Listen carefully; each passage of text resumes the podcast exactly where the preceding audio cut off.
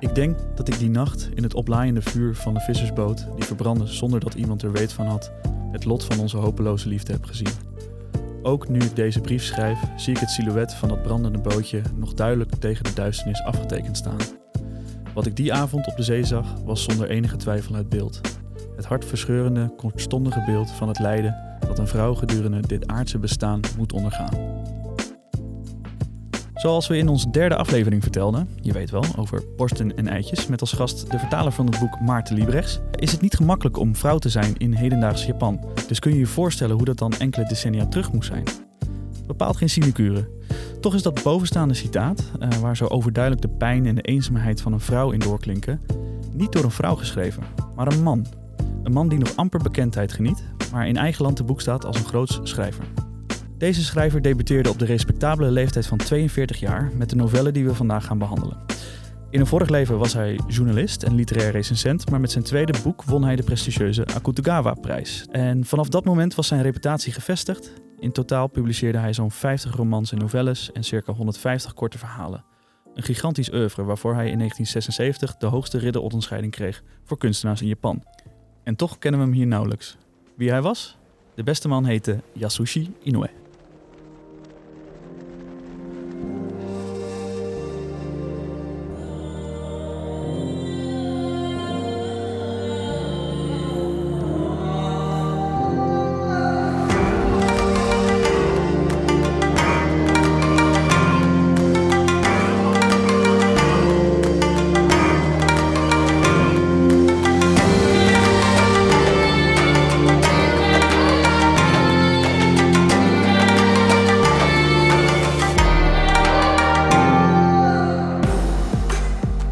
Is aflevering 4. Het jachtgeweer. Konnichiwa allemaal. Zo, daar zijn we weer. We hebben een gaatje kunnen vinden in onze bomvolle, bomvolle boekenweek. Zo, zeg dat. Uh, en met ons bedoel ik natuurlijk uh, uiteraard uh, Laurens van den Broek tegenover mij. En ik, Rens Blijenberg. Je luistert naar Aapnoot Mishima. de Nederlandstalige podcast over Japans literatuur. Zorgvuldig geplaatst in de juiste historische context. Ja, Laurens, een drukke, drukke boekenweek achter de rug. Zo, ja, echt hè? Toch? Je bent veel... eh, jij bent ook veel aanwezig geweest, zag ik, Ik op de social erg, media eh, van Dave de Boekenweek. Ja, ja, ik ben heel erg aanwezig geweest. Het, eh, het, het, het liep ook allemaal wat anders dan, dan de planning was. Maar ja, dus ja, ik, ik heb een hele leuke week tot nu toe. Het, het was erg, ja, wel uitputtend, maar ook echt wel heel, heel veel voldoening haal ik eruit. Ja. Dus eh, ja, superleuk, superleuk. Mooi. Ik heb laatst geleerd van iemand dat je niet moet vragen van... ehm, wat is je mooiste herinnering of eh, aan, aan vakantie of dus in deze aan de Boekenweek. Maar noem een mooie herinnering aan de Boekenweek. Dus bij deze. Wat is, wat is een mooie herinnering voor jou aan deze Boekenweek? Eh, dat ik de, de, de literaire pubquiz heb gewonnen. Ja? Ja, dat is toch wel een kroon op deze week. nou ja, eigenlijk, weet je, dat is tot, tot daaraan toe. Maar wat ik eigenlijk wel echt het allerleukste vond, is dat ik... ik heb op eh, zondag, eh, dan zijn er cursiefjes in de kroeg. Ja, dat is... Ehm, eh, Ja, misschien moeten we dat even uitleggen. ja, dat is iets... voor, Deventer, voor mensen uit deze is dat heel bekend, denk ik. Maar als je buiten Deventer komt... Eigenlijk komen dan vijf verschillende schrijvers langs... die in vijf verschillende kroegen voordragen. Ja. Die vragen kan stellen. ehm, en hun boek kan kopen. Yep. En dat is altijd de eerste zondag van de Boekenweek. Hè? Ja, klopt Ja. inderdaad. En, eh, en eh, ik was eigenlijk van plan om als, gewoon als gast te gaan. Eh, want het leuke is, dan kun je gewoon in een kroeg gaan zitten. En er komen vier, vijf schrijvers voorbij die, die allemaal vol enthousiasme komen vertellen over hun werk. En dan kun je daarna een boek kopen en laten signeren. En dan gaan zij weer door. Terwijl jij gewoon lekker op je luie krent kunt blijven zitten. Ja. En, ehm, maar dit keer, ja, ik werd, eh, werd een beetje redelijk in paniek eh, geappt door de, de organisatie van de Boekenweek. Van, yo, we hebben ontzettend veel uitvallers. Eh, iedereen is ziek. Zou jij eh, misschien een, een schrijver willen begeleiden? En eh, ik had zoiets van, nou, eh, eh, wat, wat wordt er dan voor mij verwacht? Ehm, ik heb het één keer eerder gedaan met, ehm, met eh, Thomas Herman van Vos. Maar Thomas Herman van Vos ken ik eigenlijk al langer dan vandaag. Dus, dus daarbij eh, zei ik automatisch ja. En nu moet ik heel eerlijk zeggen, ik ken van de vier ehm, eh, eentje persoonlijk. En de rest had ik zoiets van, ja, ik heb geen idee ehm, wat ik moet verwachten. Mhm. Ehm, maar ik werd gekoppeld aan, eh, aan schrijver Donald Niedekker. Eh, en wat is echt een hele leuke, aimabele man. Heel zachtaardig en heel welbespraakt. En nou ja, we hadden eigenlijk, dat, alle begin is onwennig, maar, maar al heel gauw hadden we wel echt een mooie klik te pakken. En ja, wat ik ook zei bij de podcast van, van maandag, van, daar komen we zo nog even op terug. Toen zei ik ook van, ja, op een gegeven moment liep hij meer met mijn boek te met mijn eigen boek te zwaaien dan, dan met zijn, eigen boeken. Ehm, dus dat was ook echt ja, heel, heel lief, zeg maar. We, we hadden echt een beetje zo'n mooie 1-2'tje steeds. En um, ja, ik groeide ook in mijn rol, dus dat was... Uh, dat was ja, want als je meelopen bent, dan moet je dus de schrijver introduceren in de kroeg ja. waar je dan bent. Je moet hem met, gewoon met hem meelopen naar de volgende kroeg te wegwijzen. Precies. En ook een beetje de tijd in de gaten houden, want je moet snel weer door. Ja, ik heb het ook...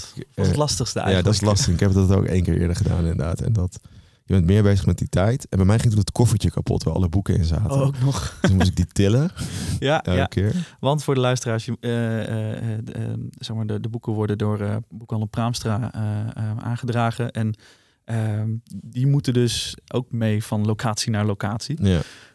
en dat was dus ook de taak van de begeleider om dat rolkoffertje met al die boeken erin mee te nemen. Ja. Maar bij jou ging die stuk. Ja. Hoe dan? Ja, dat, het wieltje brak af Oh. op, de, op die middeleeuwse kaaien in uh, Deventer. Juist, ja, leuk hè, zo'n oude stad. Ja, ja.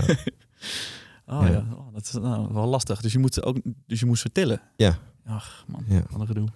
Ja, ik moest ook nog het hondje in de gaten houden van eh, de schrijfster. nee, dat, dat was, nee, dat was uiteindelijk niet zo. Maar Oké. Zij had haar hond, hond thuis gelaten. Maar dat was toen wel, volgens mij had ze toen wel gevraagd: van, kan ik mijn hond meenemen? Ah, dat is zo schattig. Ah. Leuk, leuk. Ik vond het ook altijd heel leuk om te doen. Maar dit jaar was ik er helaas eh, eh, niet bij. Nee, nee. Nee. Nou, ik- wat ik zei, ik, ik vond het een eh, redelijk uitputtende dag, maar tegelijkertijd heb ik echt wel zo'n leuke klik had ik met, met Donald Niedekker. Ja. Eh, En er is een soort eh cursiefje slash boekenweek effect ook op onze luisteraars. Want ze zijn gegroeid, hè? ja, ja, Je zeker. hebt hard je ja. best gedaan om, eh, om ons als podcast ook te promoten. En dat heeft gewerkt. Ja. Uiteraard. Ja, nee, ik, eh, ik heb eh, heel veel eh, mond-tot-mond reclame gedaan en eh, boekenleggers uitgedeeld. En eh, ja, dat zie je dan gelijk terug in de cijfers. Dus dat is Ja. wel heel grappig eh, hoe dat werkt. ja, leuk. Ja, leuk. ja, ja. Ehm, er is ook wat. Ja, wij, wij zijn eigenlijk een beetje begonnen zonder, te, eh, hoe zeg je dat, zonder context te geven. Maar we hebben eigenlijk bedacht, misschien eh, moeten we beginnen met een soort bijpraat. ja, Nieuwsrubriekje. ja. Eh, en de Boekenweek is, vol, ja, is hier heel groot in Deventer. En als boekenpodcast kunnen we daar ook niet omheen.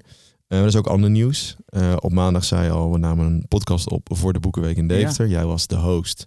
En we kwamen vertellen over onze, over, over onze podcast. En op het moment dat we aan het vertellen waren, vers- vertellen waren verscheen er een bericht dat uh, Kenzo Boerenooie is eh, overleden helaas. Ja, ja ik, ik, ehm, ik was het aan het hosten namelijk. Dat was Ja. ook- ik was eigenlijk, we waren eigenlijk te gast allebei. eh, Ja. en, maar toen kreeg ik ook eh, s ochtends weer een appje van, of een belletje van Dennis van, van Ziek. Bruut. Ja. Die, ja, die had corona. Dus toen eh, moest, eh, moest er iemand anders gaan hosten. En of ik dat wilde doen. Eh, dus daar moest ik ook nog heel even over, over nadenken. Eh, maar ja, we hebben het gewoon gedaan. En eh, volgens mij is het wel een redelijk goed, goede podcast uitgekomen. Dus daar ben ik Ja. heel blij mee. De Deventer Boekencast. En ehm, het- tijdens die opname voelde ik al een aantal berichtjes binnenkomen op mijn telefoon. Van, nou ja, maar ik durfde niet te kijken. Want als host is het toch anders als gast, zeg maar. Als gast kun je misschien nog wel heel even snel spieken van wat er aan de hand is. Maar als host ben je er continu bezig om, om, om die podcast in goede banen te leiden. En pas achteraf eh, checkte ik dus mijn, eh, mijn appjes. En eh, ja, dat was wel jammer, want we hadden het op dat moment over Japanse literatuur. En we hadden dus heel erg goed kunnen hebben over nou, de, degene van wie wij onze tweede aflevering eh, een, een podcast hebben gemaakt. Uh, Kenzaburo Oe. Ehm, hij ehm, eh, is dus overleden. Eh, eh, wat wij ontzettend jammer vinden natuurlijk. Eh, ik heb als eerbetoon hier een heel stapeltje boeken meegenomen. Ehm, eh, en natuurlijk hebben wij onze podcast over het eigen lot gemaakt. Mhm. Ehm, maar wat ehm, eh, het nieuws kwam eigenlijk die dag pas naar buiten, maar hij is blijkbaar al op 3 maart overleden. Het nieuws werd nu pas door zijn uitgever de wereld ingeholpen. Ik weet niet precies waarom die timing zo liep, maar het is in ieder geval wel echt eeuwig zonde. Ik, en ik dacht dat hij ook nog best wel eh, ja, stevig in zijn schoenen stond, Ja, want hij is, fit, eh, ja. ja, hij is, hij is ontzettend, hij was ontzettend eh, eh, betrokken, ook nog steeds bij de milieubeweging, bij Mhm. eh, de vredesbeweging eh, tegen anti-kernenergie, ehm, ehm, eh, pro- pro- protest, hoe zeg het, Ehm, eh, ant- anti-kernenergie, Ja. eh, protesten. Ehm, hij was heel erg betrokken. Dus ehm, ja, dat, dat verbloemde misschien eh, een beetje dat, hij, eh, dat zijn lichaam al eh, tanende was. En dat hij, ja, dat hij nu de geest heeft gegeven, helaas. Ja, ja. Eeuwig zonde. Hoort er ook bij. Ja, ja en het, ik dacht gelijk van, ja, maar zijn laatste roman is nog niet eens vertaald, zeg maar. Dus we hebben... Mooie aanleiding misschien. Ik hoop het. Ja. Ik, zou, ik zou het echt hopen, want uh, ik, ik zat even een beetje terug te kijken, maar volgens mij hebben we nog iets van acht of negentien romans die van hem alleen al niet vertaald zijn. Dus, dus er is nog heel veel werk aan de winkel, zeg maar. Ehm, dus ik hoop uh, voor, uh, voor Meulenhof dat het een, een, soort van boost geeft aan, uh, aan die twee boeken die zij ja, voorgaande jaren hebben uitgegeven. Het eigen lot en 17 en Homoseksualis. Um, ja, wie weet komt er nog iets meer uit. Zou mooi zijn. Ja, en is er nog ander breaking news? Ja, nou, um, ik uh, zag ineens een berichtje voorbij komen dat uh, Haruki Murakami uh, weer een nieuwe roman ja. gaat publiceren. Al vrij snel, in april 2023. Hij zal in het eerste, in eerste instantie alleen in het Japans uitkomen. Daarna um, wordt hij nog vertaald. Um, het, boek, het is zijn eerste boek in zes jaar. de laatste was Killing Commendatore. ik weet even niet wat de Nederlandse titel is, maar...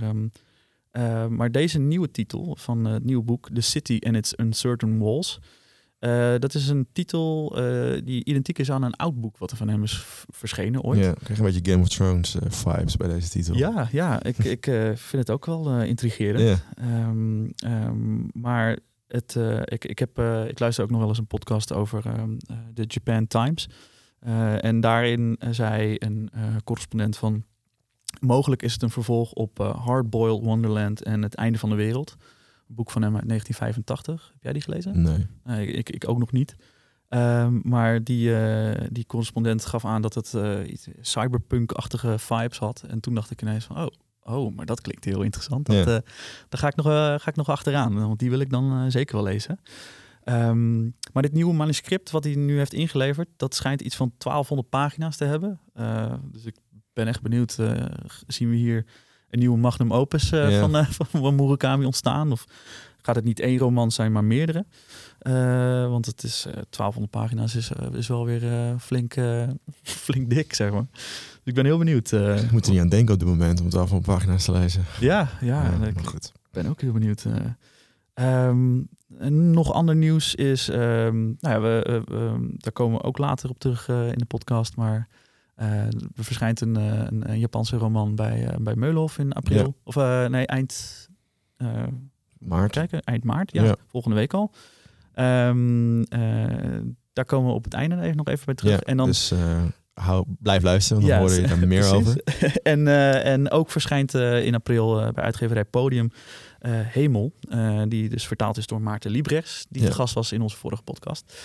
Um, dus ja, de, genoeg te lezen de komende tijd. Um, en, uh, ja. Genoeg tips denk ik ook. Genoeg tips ook inderdaad. Uh, die zullen ook allemaal in de show notes weer te vinden zijn. Dus uh, kijk ook vooral daar even. En blijf lezen. En blijf lezen, inderdaad. Oké, genoeg, genoeg nieuws, genoeg breaking news. Laten we gewoon doorgaan naar het, naar het boek van vandaag. Ja.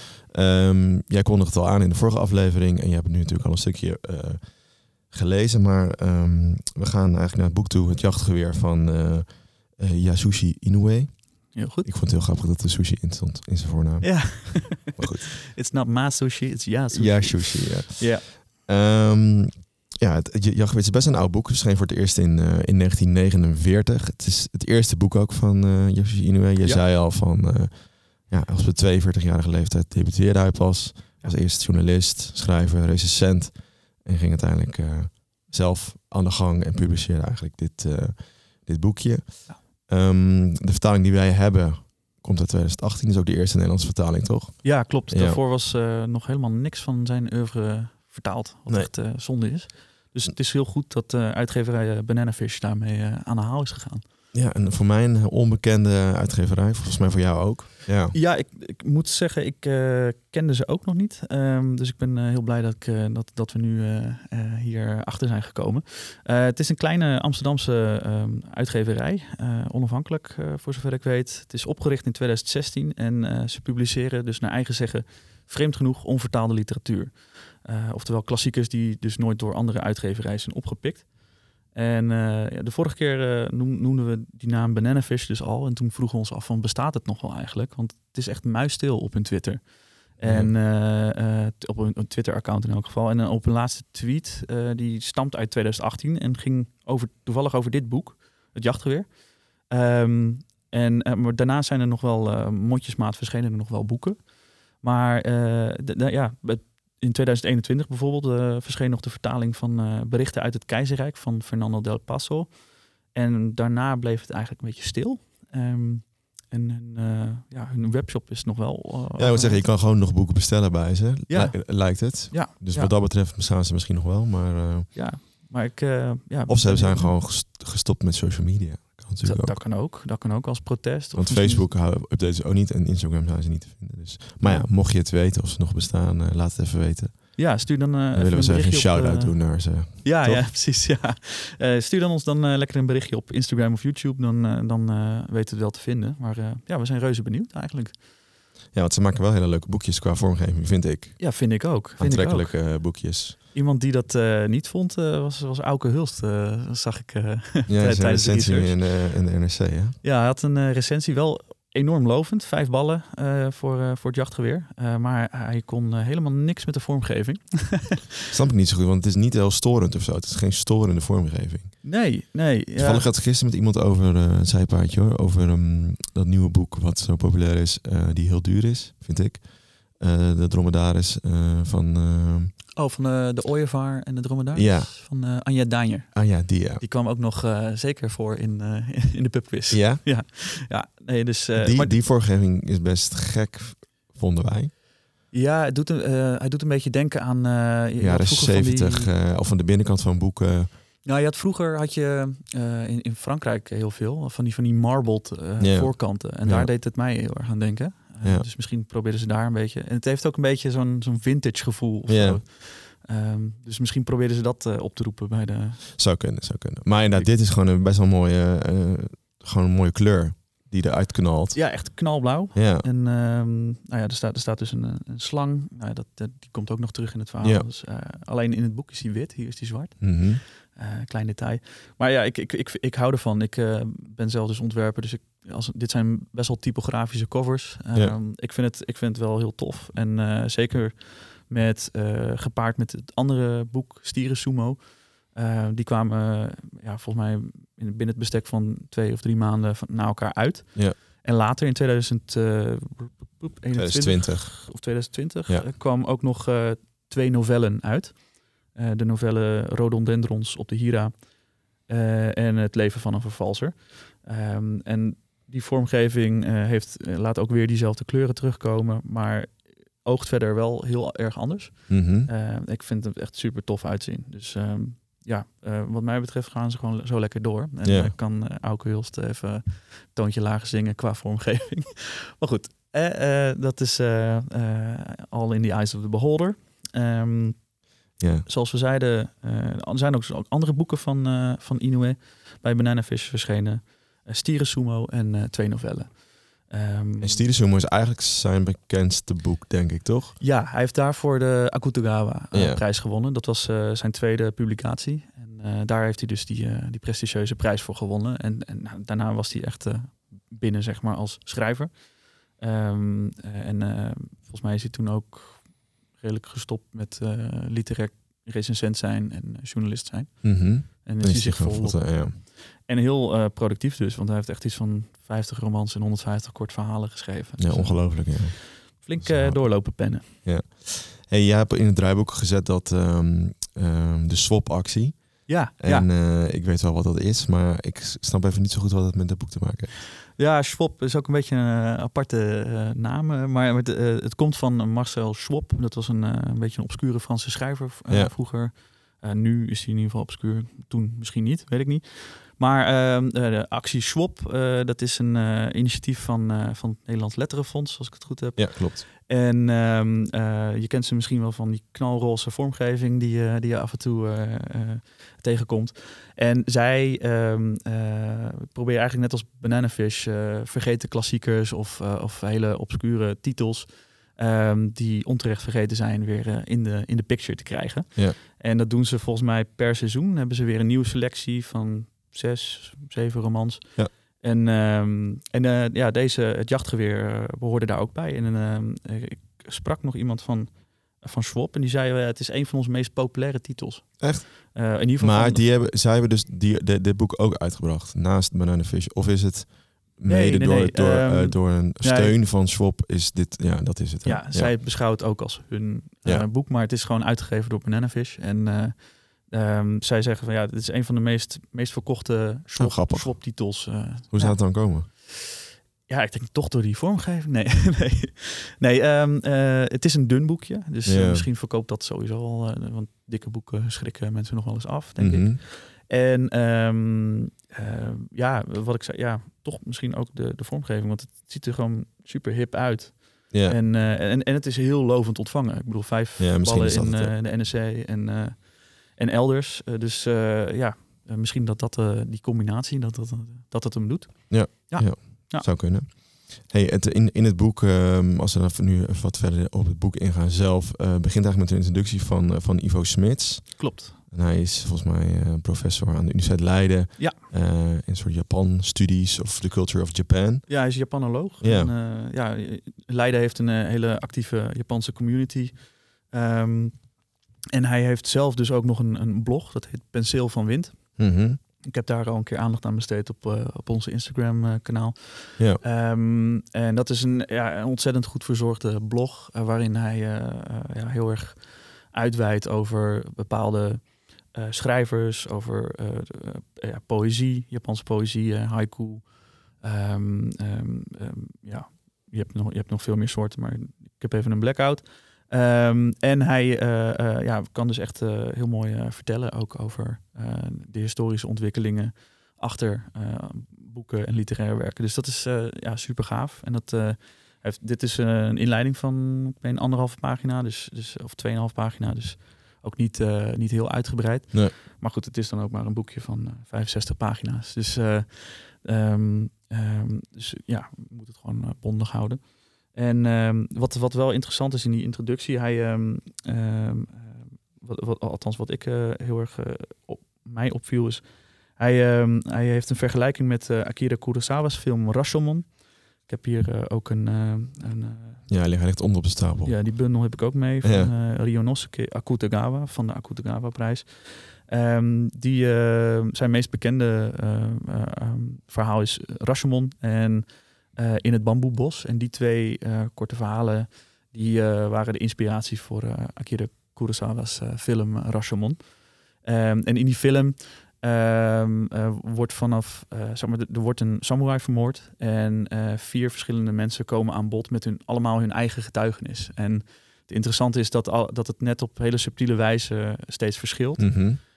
En dat, ja, dan stelt dus de vraag van, van hoe, ehm, hoe mensen de realiteit beleven, zeg maar. En hoe mensen een, een gebeurtenis verschillend kunnen interpreteren en, en onthouden. Ja. Ehm, en dat komt ook heel erg terug in dit, dit boek van Yasushi Inoue. Ehm, dus Ja, dus, dus die Ivo legt, legt eigenlijk de link tussen eh, dat, dat boek en het, en het jachtgeweer. Ja. Ja, ja zeker. En, eh, en, en, en dat er ook eh, hele autobiografische elementen in dit boek terugkomen. Want ehm, ja, zullen we eerst eventjes gaan, gaan, gaan ehm, praten over hoe de roman in elkaar steekt. Want het is best wel een bijzondere vorm. Ja, laten we. Het is volgens mij tijd om na echt verder het boek in te duiken en daar meer over te vertellen. Want het boek is eigenlijk dus een. Ja, het zijn drie brieven. Ja, ja. Het begint een beetje eh, wat anders. Of tenminste, het begint niet met die brieven, maar het begint eigenlijk met een gedicht die gestuurd wordt naar een of ander jagersmagazine. Ja. In, eh, in Japan. Eh, als ik het even goed heb, maar vul me aan, eh Laurens, gaat het om een vriend die, een vriend die werkzaam is bij dat magazine, die vraagt van hey, aan een dichter wil je dit plaatsen? Want eh, we zoeken eigenlijk content. En, Ja, het precies. gaat, en je hebt een gedicht geschreven wat, wat raakt aan het ons magazine. Eh, dat wordt geplaatst en eigenlijk eh, gaat het leven dan weer verder van die dichter. Die denkt, nou, er gebeurt niet zoveel. Maar dan krijgt hij op een gegeven moment een brief van een man. Mizugo, denk ik dat je het zo uitspreekt. Ja, Mizugi, geloof ik. Mizugi kan ook inderdaad. Laten we, ja, dat in het midden houden. Ja. Maar die, die eigenlijk reageert op dat gedicht en dat het gedicht hem nogal raakt. Ehm, en eigenlijk eh, wil uitleggen of dat uitlegt door het soort van drie brieven mee te sturen. Die zegt dan wil je alsjeblieft deze brieven Ja. lezen. En dan begint eigenlijk een soort van raamvertelling en ontvouwt zich een verhaal rondom een, eh, een liefdessituatie Ja, eh, van de, die persoon die die brieven stuurt. Ja, het is, het is wel interessant. eh, ehm, Ivo Smits noemt het in zijn, in zijn inleiding een gekunstelde opstelling. Hoe zeg je dat? Gekunstelde. Waar staat het? Waar staat het? Waar staat het? Deze nadrukkelijk literair gekunstelde constructie werkt vooral omdat Inoue zo'n groot stylist is. Ehm, dus ja, ik, ik, vond, ik dacht eerst ook van eh, het, is, het is een raamvertelling en dan heb je ook nog een andere constructie eh, die daar ook weer in zit, een, brie- Ja. een brievenwisseling. En ehm, eh, ja, het, het werkt dus, om, het, voelt, het voelt voor mij niet, inderdaad niet gekunsteld, maar, maar het, het, het doet, ja, als je, als je het nu zo erover vertelt, doet het wel gekunsteld aan inderdaad.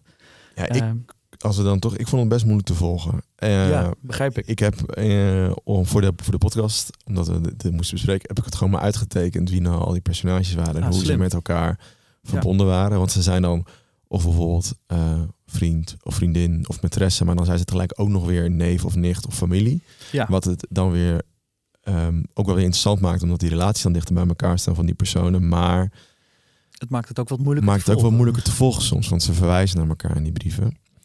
Ehm, dus dat vond ik soms wat, ehm, wat lastiger. Ja, nee, begrijp ik helemaal. Ik, eh, ik zat ook eh, af en toe eh, even terug te bladeren van wie, wie was dit ook alweer? Oh, wacht, die eh, heeft op die manier een relatie met die ander.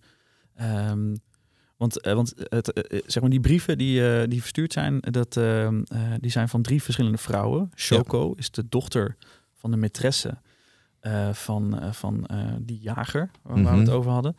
Ehm, hè, de Shoko, de dochter die na haar moeders dood diens dagboek leest en ontdekt dat zij een affaire had. Dan heb je Midori, dat is dan de vrouw van de jager. Ja. Die is dus bedrogen en eigenlijk wist zij al die tijd al dat haar man Ja, haar daar kom je dan was. achter door die brief. Ja. Precies. Ehm, maar zij is heel zakelijk in, eh, in die brief. En eh, eigenlijk volgens mij ook best wel intelligent eh, ehm, eh, komt zij op, op mij over. ja, vooral zakelijk In ieder geval totaal, ja. en zakelijk, maar totaal niet gelaten en, en ehm, eh, eh, eh, slachtofferrol of iets dergelijks. Maar Nee. gewoon doorpakken. Ik wil nu scheiden. Bam, doorgaan. dus dat vond ik, vond, ik, vond ik wel heel stoer. En, en, en sterk ook. En dan heb je nog tenslotte de derde brief. Die is van Psycho. En dat is dan de minares. Of de minnares. Eh, en ehm, die heeft dus haar beste vriendin, Midori, eh, bedrogen. eh, en, en verraden eigenlijk. Ja. en ja, goed, die eerste is dus Shoko, de dochter van de minnares. Dus dat maakt het een beetje een lastige, lastige constructie. Ehm, maar, Had je dat meteen door van hoe het nou precies zat? Nou, het staat letterlijk op de achterflap. Dus ja, dat dat wist ik. Dus Maar- daar moest ik rekening mee houden. Maar ik, het kwam. Nee, ik, ik, ik had misschien ook voor een andere volgorde gekozen. Eh, Nou, die volgorde snap ik wel. Maar het is inderdaad, wat jij zegt, ik heb vaak die achterflap weer even erbij gepakt. Wat nou wie nou wie was. Ja, ja. Ja, nee, dus is- ik, ik, ik moest inderdaad ook wel een paar keer eh, terug, terugbladeren van, eh, goh, hoe, hoe werkt het nou eigenlijk? Want, de- en er worden er daarnaast ook nog andere namen genoemd. Ehm, Ja. en maar wat ik wel heel interessant vind, is die, die worden op een, op een hele naturel manier genoemd. Heel zijdelings. eh, en en ehm, dat vond ik wel knap, want dat werkt gewoon eh, de suggestie van Inoue. eh, dat, je, dat je al dat je het verhaal eigenlijk al kent, zeg maar. Of, of in ieder geval dat je als het ware zelf als lezer gemakkelijk mee kunt lopen in het verhaal. Het, Mhm. het is in ieder geval, het komt heel natuurlijk over. Ja. Eh, en dat vond ik wel heel knap. Ja. Want ik heb ook wel eens romans dat ik denk, oké, het personage X wordt geïntroduceerd, maar echt op de, op de meest onnatuurlijke manier, of, of in ieder geval op een gekunstelde manier. Eh, en hier voelt dat totaal natuurlijk. Ja. Ja. Dus dat vond ik heel tof. Hey, ehm, ik denk dat het even tijd is voor een, eh, voor een kleine onderbreking. En dat we daarna even wat dieper ook moeten ingaan op de verschil misschien in toon van de drie brieven. Ja, Zonder ook te veel eh, te spoilen. En dan ook eens te kijken naar eigenlijk de impact of significantie eh, van dit boek.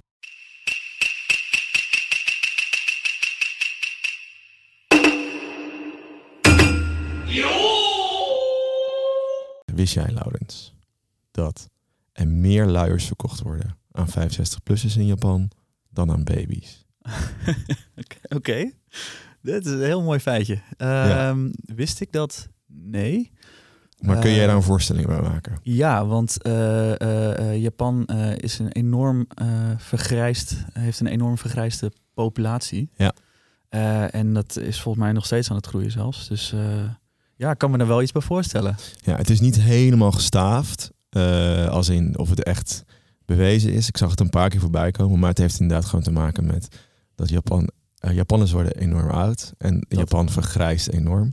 Nou, en bij oud worden hoort ook incontinentie vaak. Ja? Uh, dus vandaar dat er meer lui. En het heeft ook te maken dat er steeds minder baby's worden geboren en steeds minder mensen gaan trouwen in Japan. Ja, ja. Uh, dus dat leidt waarschijnlijk tot de aanname, die dus niet gestaafd is, maar de aanname die ik dan even maak met wat andere mensen op het internet.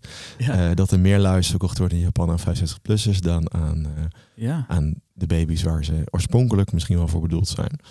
Grappig, want, want ik, ik, ik weet toevallig dat het een enorm uh, probleem is. Of in ieder geval door de Japanse overheid als een enorm probleem wordt gezien. Ja, klopt. En uh, zij, uh, zijn, zij doen er alles aan zeg maar, om mensen zoveel mogelijk zich laat, te laten voortplanten. Ja.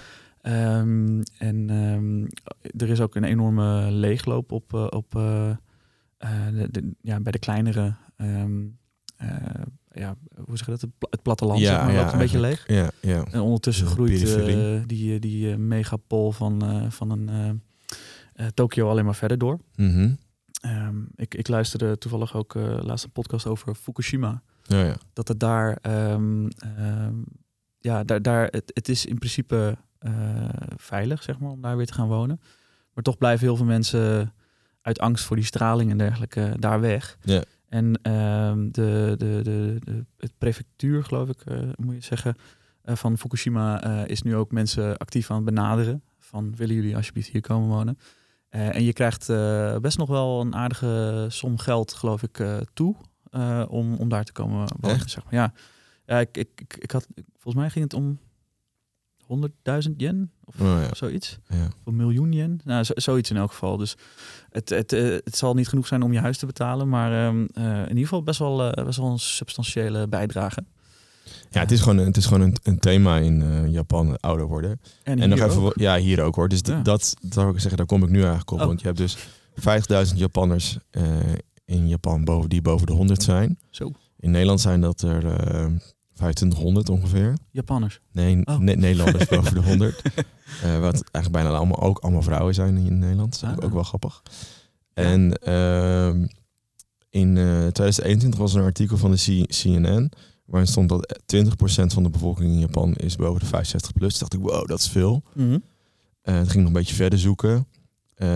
en volgens Wikipedia is het, eigenlijk, is het in, was het in 2021 23 procent. En andere uh, modellen over demografie in Japan, die geven eigenlijk aan dat op dit moment, 2023 zijn we nu, dat het 30% is. Holy moly.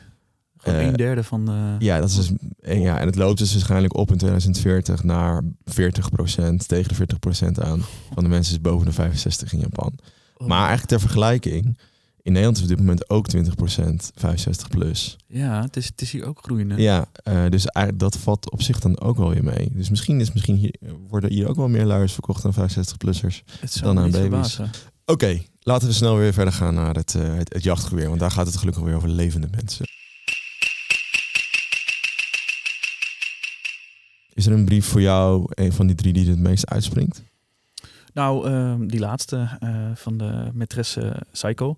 Ja, dus het uh, gaat dus om, om, ja, om eigenlijk om de vrouw om wie het allemaal gaat. Ja, precies. Ja, ik sowieso vond ik haar naam ook al wel uh, interessant. Psycho, dat doet denken aan American Psycho, weet je. Dus uh, in, oh, ja. in hoeverre ehm, is zij mentaal stabiel? Nou, blijkbaar niet heel erg, want spoiler, ze berooft zichzelf van het leven. Ja. Um, volgens mij vergiftigt ze zichzelf. Mm -hmm. Ja, ja. Dus ja, um, um, ja, daarmee niet, niet gezegd hebben dat als je je slecht voelt, dat je dan gelijk uh, psychopaat bent. Uh, dat, uh, nee, ik wil niet zeggen. Dit wel... Die disclaimer wil ik wel even plaatsen natuurlijk. Maar um, ja, nee, die, die brief die kwam wel, kwam wel hard binnen, vond ik. sowieso vind ik alle, alle, alles in dit boekje heel precies, heel vernuftig, heel verfijnd geschreven. Um, maar zeker die, die derde, um, derde brief, waarin um, ja, zij terugblikt uh, op haar leven. het begint zelfs met, uh, met de zinnen, pak ik hem er heel even bij, want jij, jij gaf aan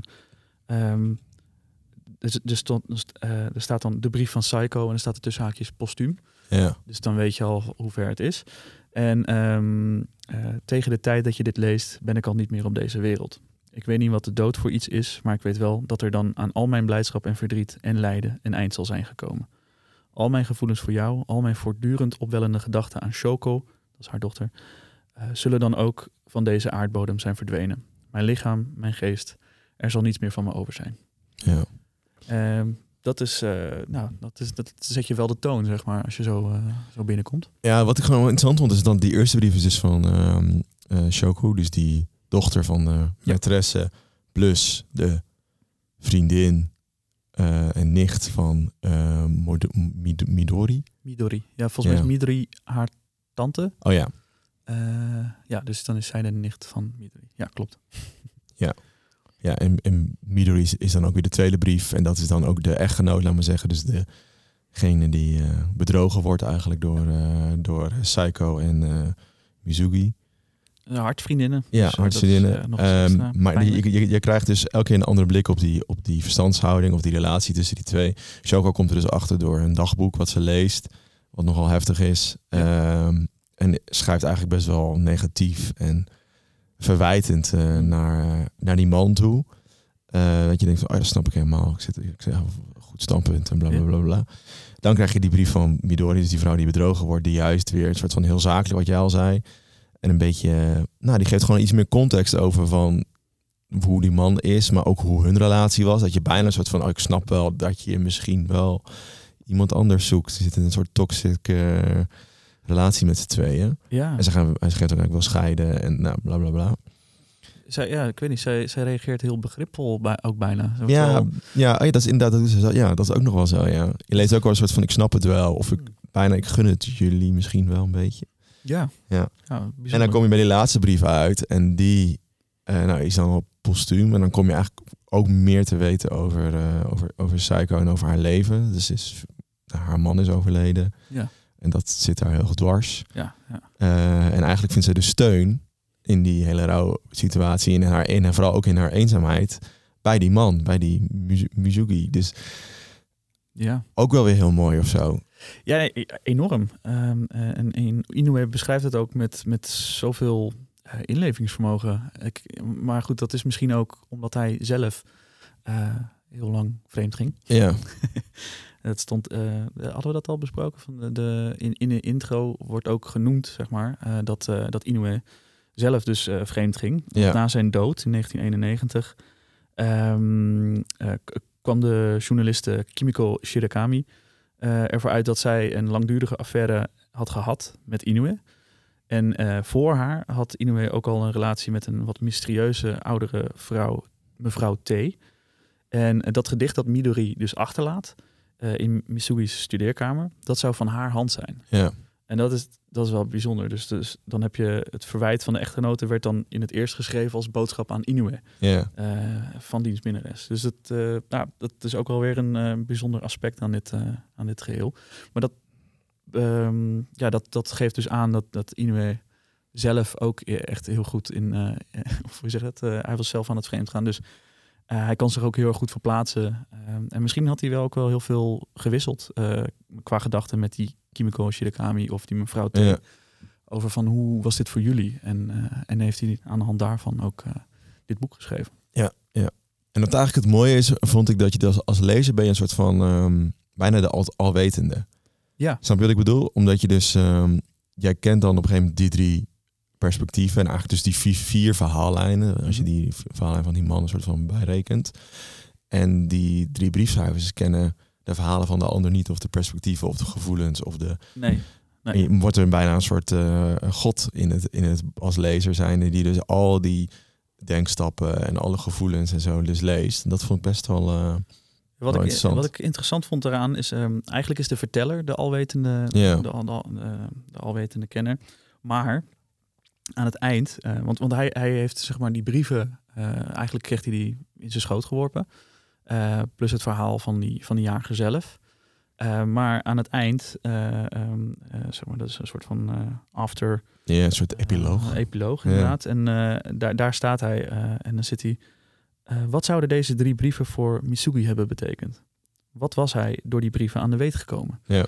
Dus ehm, de verteller zelf kan er ook nog niet echt vat op krijgen van, van hoe, hoe, zit, hoe zat die Misugi nou wat heeft hij ervan geleerd? Of wat, uh, wat, voor persoon was dat? Maar tegelijkertijd um, weten wij dat als lezer wel. Dus dat is wel, uh, wel interessant. En Ivo Smit zegt ook in zijn inleiding van... dat is puur aan het stilistisch meesterschap van Inoue te danken... dat dit ook niet compleet gekunsteld aanvoelt. Nee. dat is best wel knap om, om zoiets aan te brengen. Ja, ja. tekst. Dus ja, echt heel tof. Ja, heel tof. Oké, ehm, ik denk dat we genoeg over nu over het boek en de inhoud zelf hebben gehad. De thema's die aan bod komen uh, zijn ook ja. wel weer een beetje, zijn, hebben de revue wel denk ik wel gepasseerd. Uh, je hebt het over eenzaamheid gehad, liefde, overspel, bedriegen, vertrouwen. Melancholie. Melancholie. Um, maar ook wat we nog niet hebben gezegd, bloemen. Vond ik interessant. Ik vond heel ja, vaak bloemen. bloemen. terugkomen. Ja. Oh, ja. Uh, distels, rode rozen. ja. En nou, bijvoorbeeld, volgens mij Psycho of uh, Midori had altijd een, ka op een gegeven moment een kamerjas heet het aan, die ze beschreef, waar dan ook een distel volgens mij op zat. Dus dat vond ik wel, uh, wel grappig. Verder komt er niet zoveel aan bod. En natuurlijk, het jagen is een soort van thema, omdat het daarmee begint.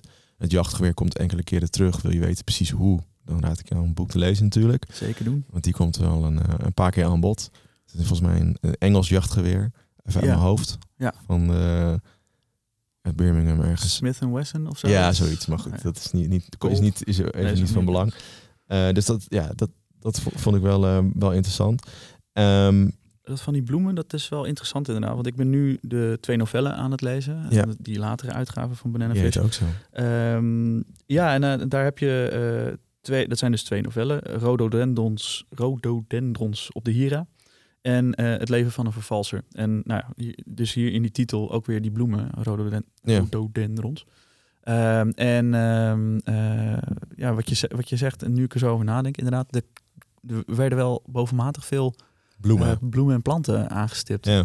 Maar er is helaas niet zoveel bekend over, in ieder geval in het Nederlands, niet zo heel veel bekend over het leven van uh, Yasushi Inoue. Ik zag op YouTube dat er wel een, uh, een hele documentaire van drie kwartier uh, online staat, maar in het Frans en niet ondertiteld. En ik ben ja toch niet behept genoeg in het Frans om, Same. om dat helemaal uit te gaan pluizen. Nee, het is wel grappig, want als je dus gaat googlen naar hem, dan zie je ook um, best wel veel artikelen die dan gaan over het jachtgeweer. Want dat is denk ik dan toch een van de bekendste boeken in het Nederlands ja. over hem. En eigenlijk iedereen zegt een beetje iets in de trant van de grootste Japanse schrijver waar je nog nooit van hoorde. Ja, ja. Dat is meteen een mooie titel voor deze podcastaflevering misschien. Zeker. Ja. Maar um, we doen uh, gewoon de titel van het boek, toch? Oh ja. ja. nee, maar uh, dus dat is ook wel grappig. Hè? Dus dat het een soort van on onontdekt pareltje is. Uh, wat het ook wel weer moeilijk maakt om bijvoorbeeld de deep dive te maken. Hè? We willen graag een beetje kijken naar wat is dan de significantie van dit boek. Is een beetje, nou, ik ben er gewoon niet achter gekomen.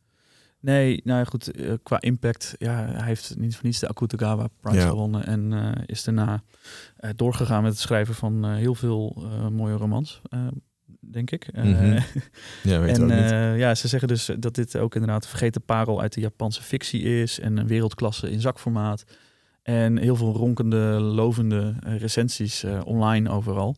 Uh, in het Engels en in het Nederlands. Uh, maar, maar daarna ja, is, het, is het weer stil geworden. Dit heeft helaas niet echt een uh, extra, um, extra aandacht of zo voor, voor Inoue nee. gegenereerd. Um, dus dus het, is, het blijft voorlopig bij deze drie romans. Maar wie weet dat onze podcast wel iets Het zou mooi zijn.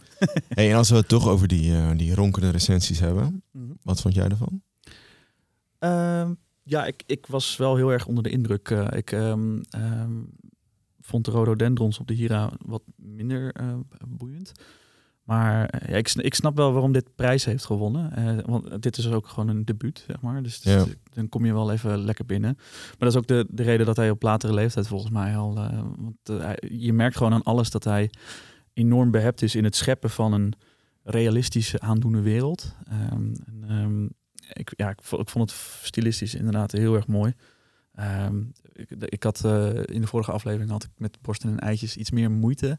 Omdat er heel veel dialoog in stond en weinig metaforen. En um, het voor mij toch iets minder literair aandeed. Maar dat is puur subjectief. Hè? De, mm -hmm. uh, en dat had ik hier wel echt mee. Dat ik echt dacht van deze man kon echt heel goed schrijven. Dat, dat zie je gewoon aan alle, alle kanten, spat dat er vanaf. Ja. En ehm, het, het verhaal ja, uh, voelde inderdaad iets wat verwarrend, soms een beetje gekunsteld. Maar um, tegelijkertijd, ja, ik, ik uh, was er zo doorheen. Het is ook een heel kort boekje. Um, dus uh, ik, ik heb volgens mij had me weer onthouden van sterretjes op, op Goodreads. Maar ik zou het denk ik gewoon een dikke vier sterren geven. Oké. Okay. Jij dan? Ja, ja. Nou, het, het, heeft mij niet zo gepakt, eerlijk gezegd. Mm, Oké, ja, ja, begrijp ik. Um, ik, nou, je kunt lezen dat het een goede schrijver is. Het leest heel makkelijk weg. Op de een of andere manier ook misschien het zo dun is. Mm. Het idee vind ik heel... Ik vind het echt wel een vet idee, laten we zeggen. Door, dus door brieven um, een, drie verschillende perspectieven te krijgen op een, uh, op een situatie. Maar op de een of andere manier, het heeft me gewoon... Het blijft niet zo hangen of zo. En dit boek heb ik best wel een ja, tijdje geleden gelezen. Uh, net naar borsten en eitjes. Um, dus ik had het ook heel snel uit. Ik denk binnen twee dagen of zo dat je dat al doorheen leest. Twee keer in de trein zitten en je bent er doorheen. Ja. En daardoor was het ook een soort van... Ik moest er best wel weer uh, het boek bijna opnieuw lezen voor, om ter voorbereiding op deze aflevering. dacht ik, dat is ook niet helemaal... Oh, dan heeft het toch niet helemaal zo uh, geslaagd, denk ik. Of tenminste is het zo blijven hangen bij mij als, als misschien bij anderen zou doen.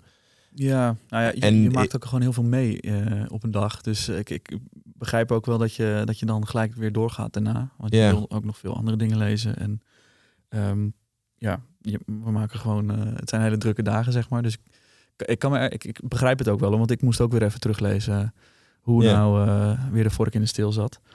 Um, maar ik had dat ook heel erg met, uh, met, met het vorige boek, Borsten en Eitjes. Dat, daar bleef bij mij dan wat minder dingen hangen. Ja, grappig. Het is bij mij veel meer, terwijl het 3000 keer dikker is dan dit boek.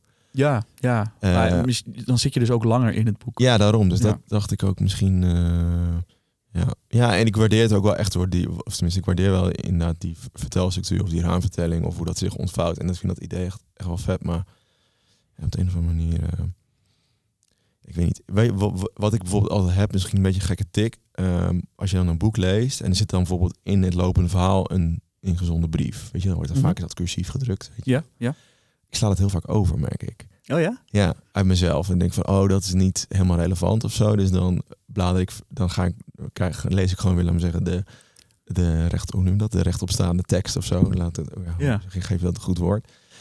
En dat had ik dus elke keer een beetje bij dit boek. Van, oh ja, dat, die brieven zijn niet... Maar dat hele boek is, zijn natuurlijk drie brieven. Dat is natuurlijk heel zeggen. gek. Dus dat kan helemaal niet. Dan heb je alleen het, de, maar, de voor, het voorwoord uh, gelezen. het nawoord gelezen of zo, ja. Dus, maar dat misschien, dat, die, dat gevoel of zo... Uh, nam ik een beetje mee tijdens het lezen of zo. Dat het iets minder impact op mij maakt. Maar goed, dat is misschien ja. een beetje een gekke bekentenis dit. Maar ja, dat had het nou ja, ik bedoel, dat, dat kan hè. Ik, um, maar, want het is niet voor niets op deze manier geconstrueerd. Dus, dus er zit echt wel een, een, een, bepaalde bedoeling achter.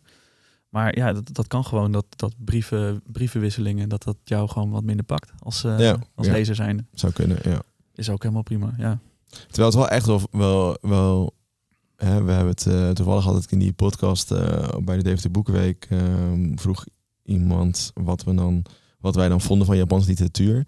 En ja. ik ben natuurlijk een soort leek uh, geworden, uh, een soort van ingestapt. Ik las hiervoor nooit Japanse literatuur, maar ik vind het juist wel vet dat het best wel, zij noemen het indringend. Dacht ik, mm -hmm. ja, dat is het goede woord. Het ja. is echt best wel indringende literatuur. Die verhalen zijn best wel indringend. Je focust heel erg, je komt heel erg in het hoofd van een personage. Nou, dat gebeurt in dit boek helemaal. Ja, absoluut. En dat vind ik ook echt wel heel, uh, heel bijzonder. En ook heel interessant om te lezen, maar toch op de een of andere manier heeft me niet helemaal gepakt. Maar er kan ook een moment liggen hè, van dat je het las, wat jij zegt. En dat je, weet ik veel, druk bent met andere dingen. Ja, ik had het ja. dus met, uh, met, met de Hira, dat, dat verhaal. Um, ik vond de hoofdrolspeler een beetje irritant. Uh, en um, ja, dat verhaal in zijn geheel greep me gewoon iets minder. Ja.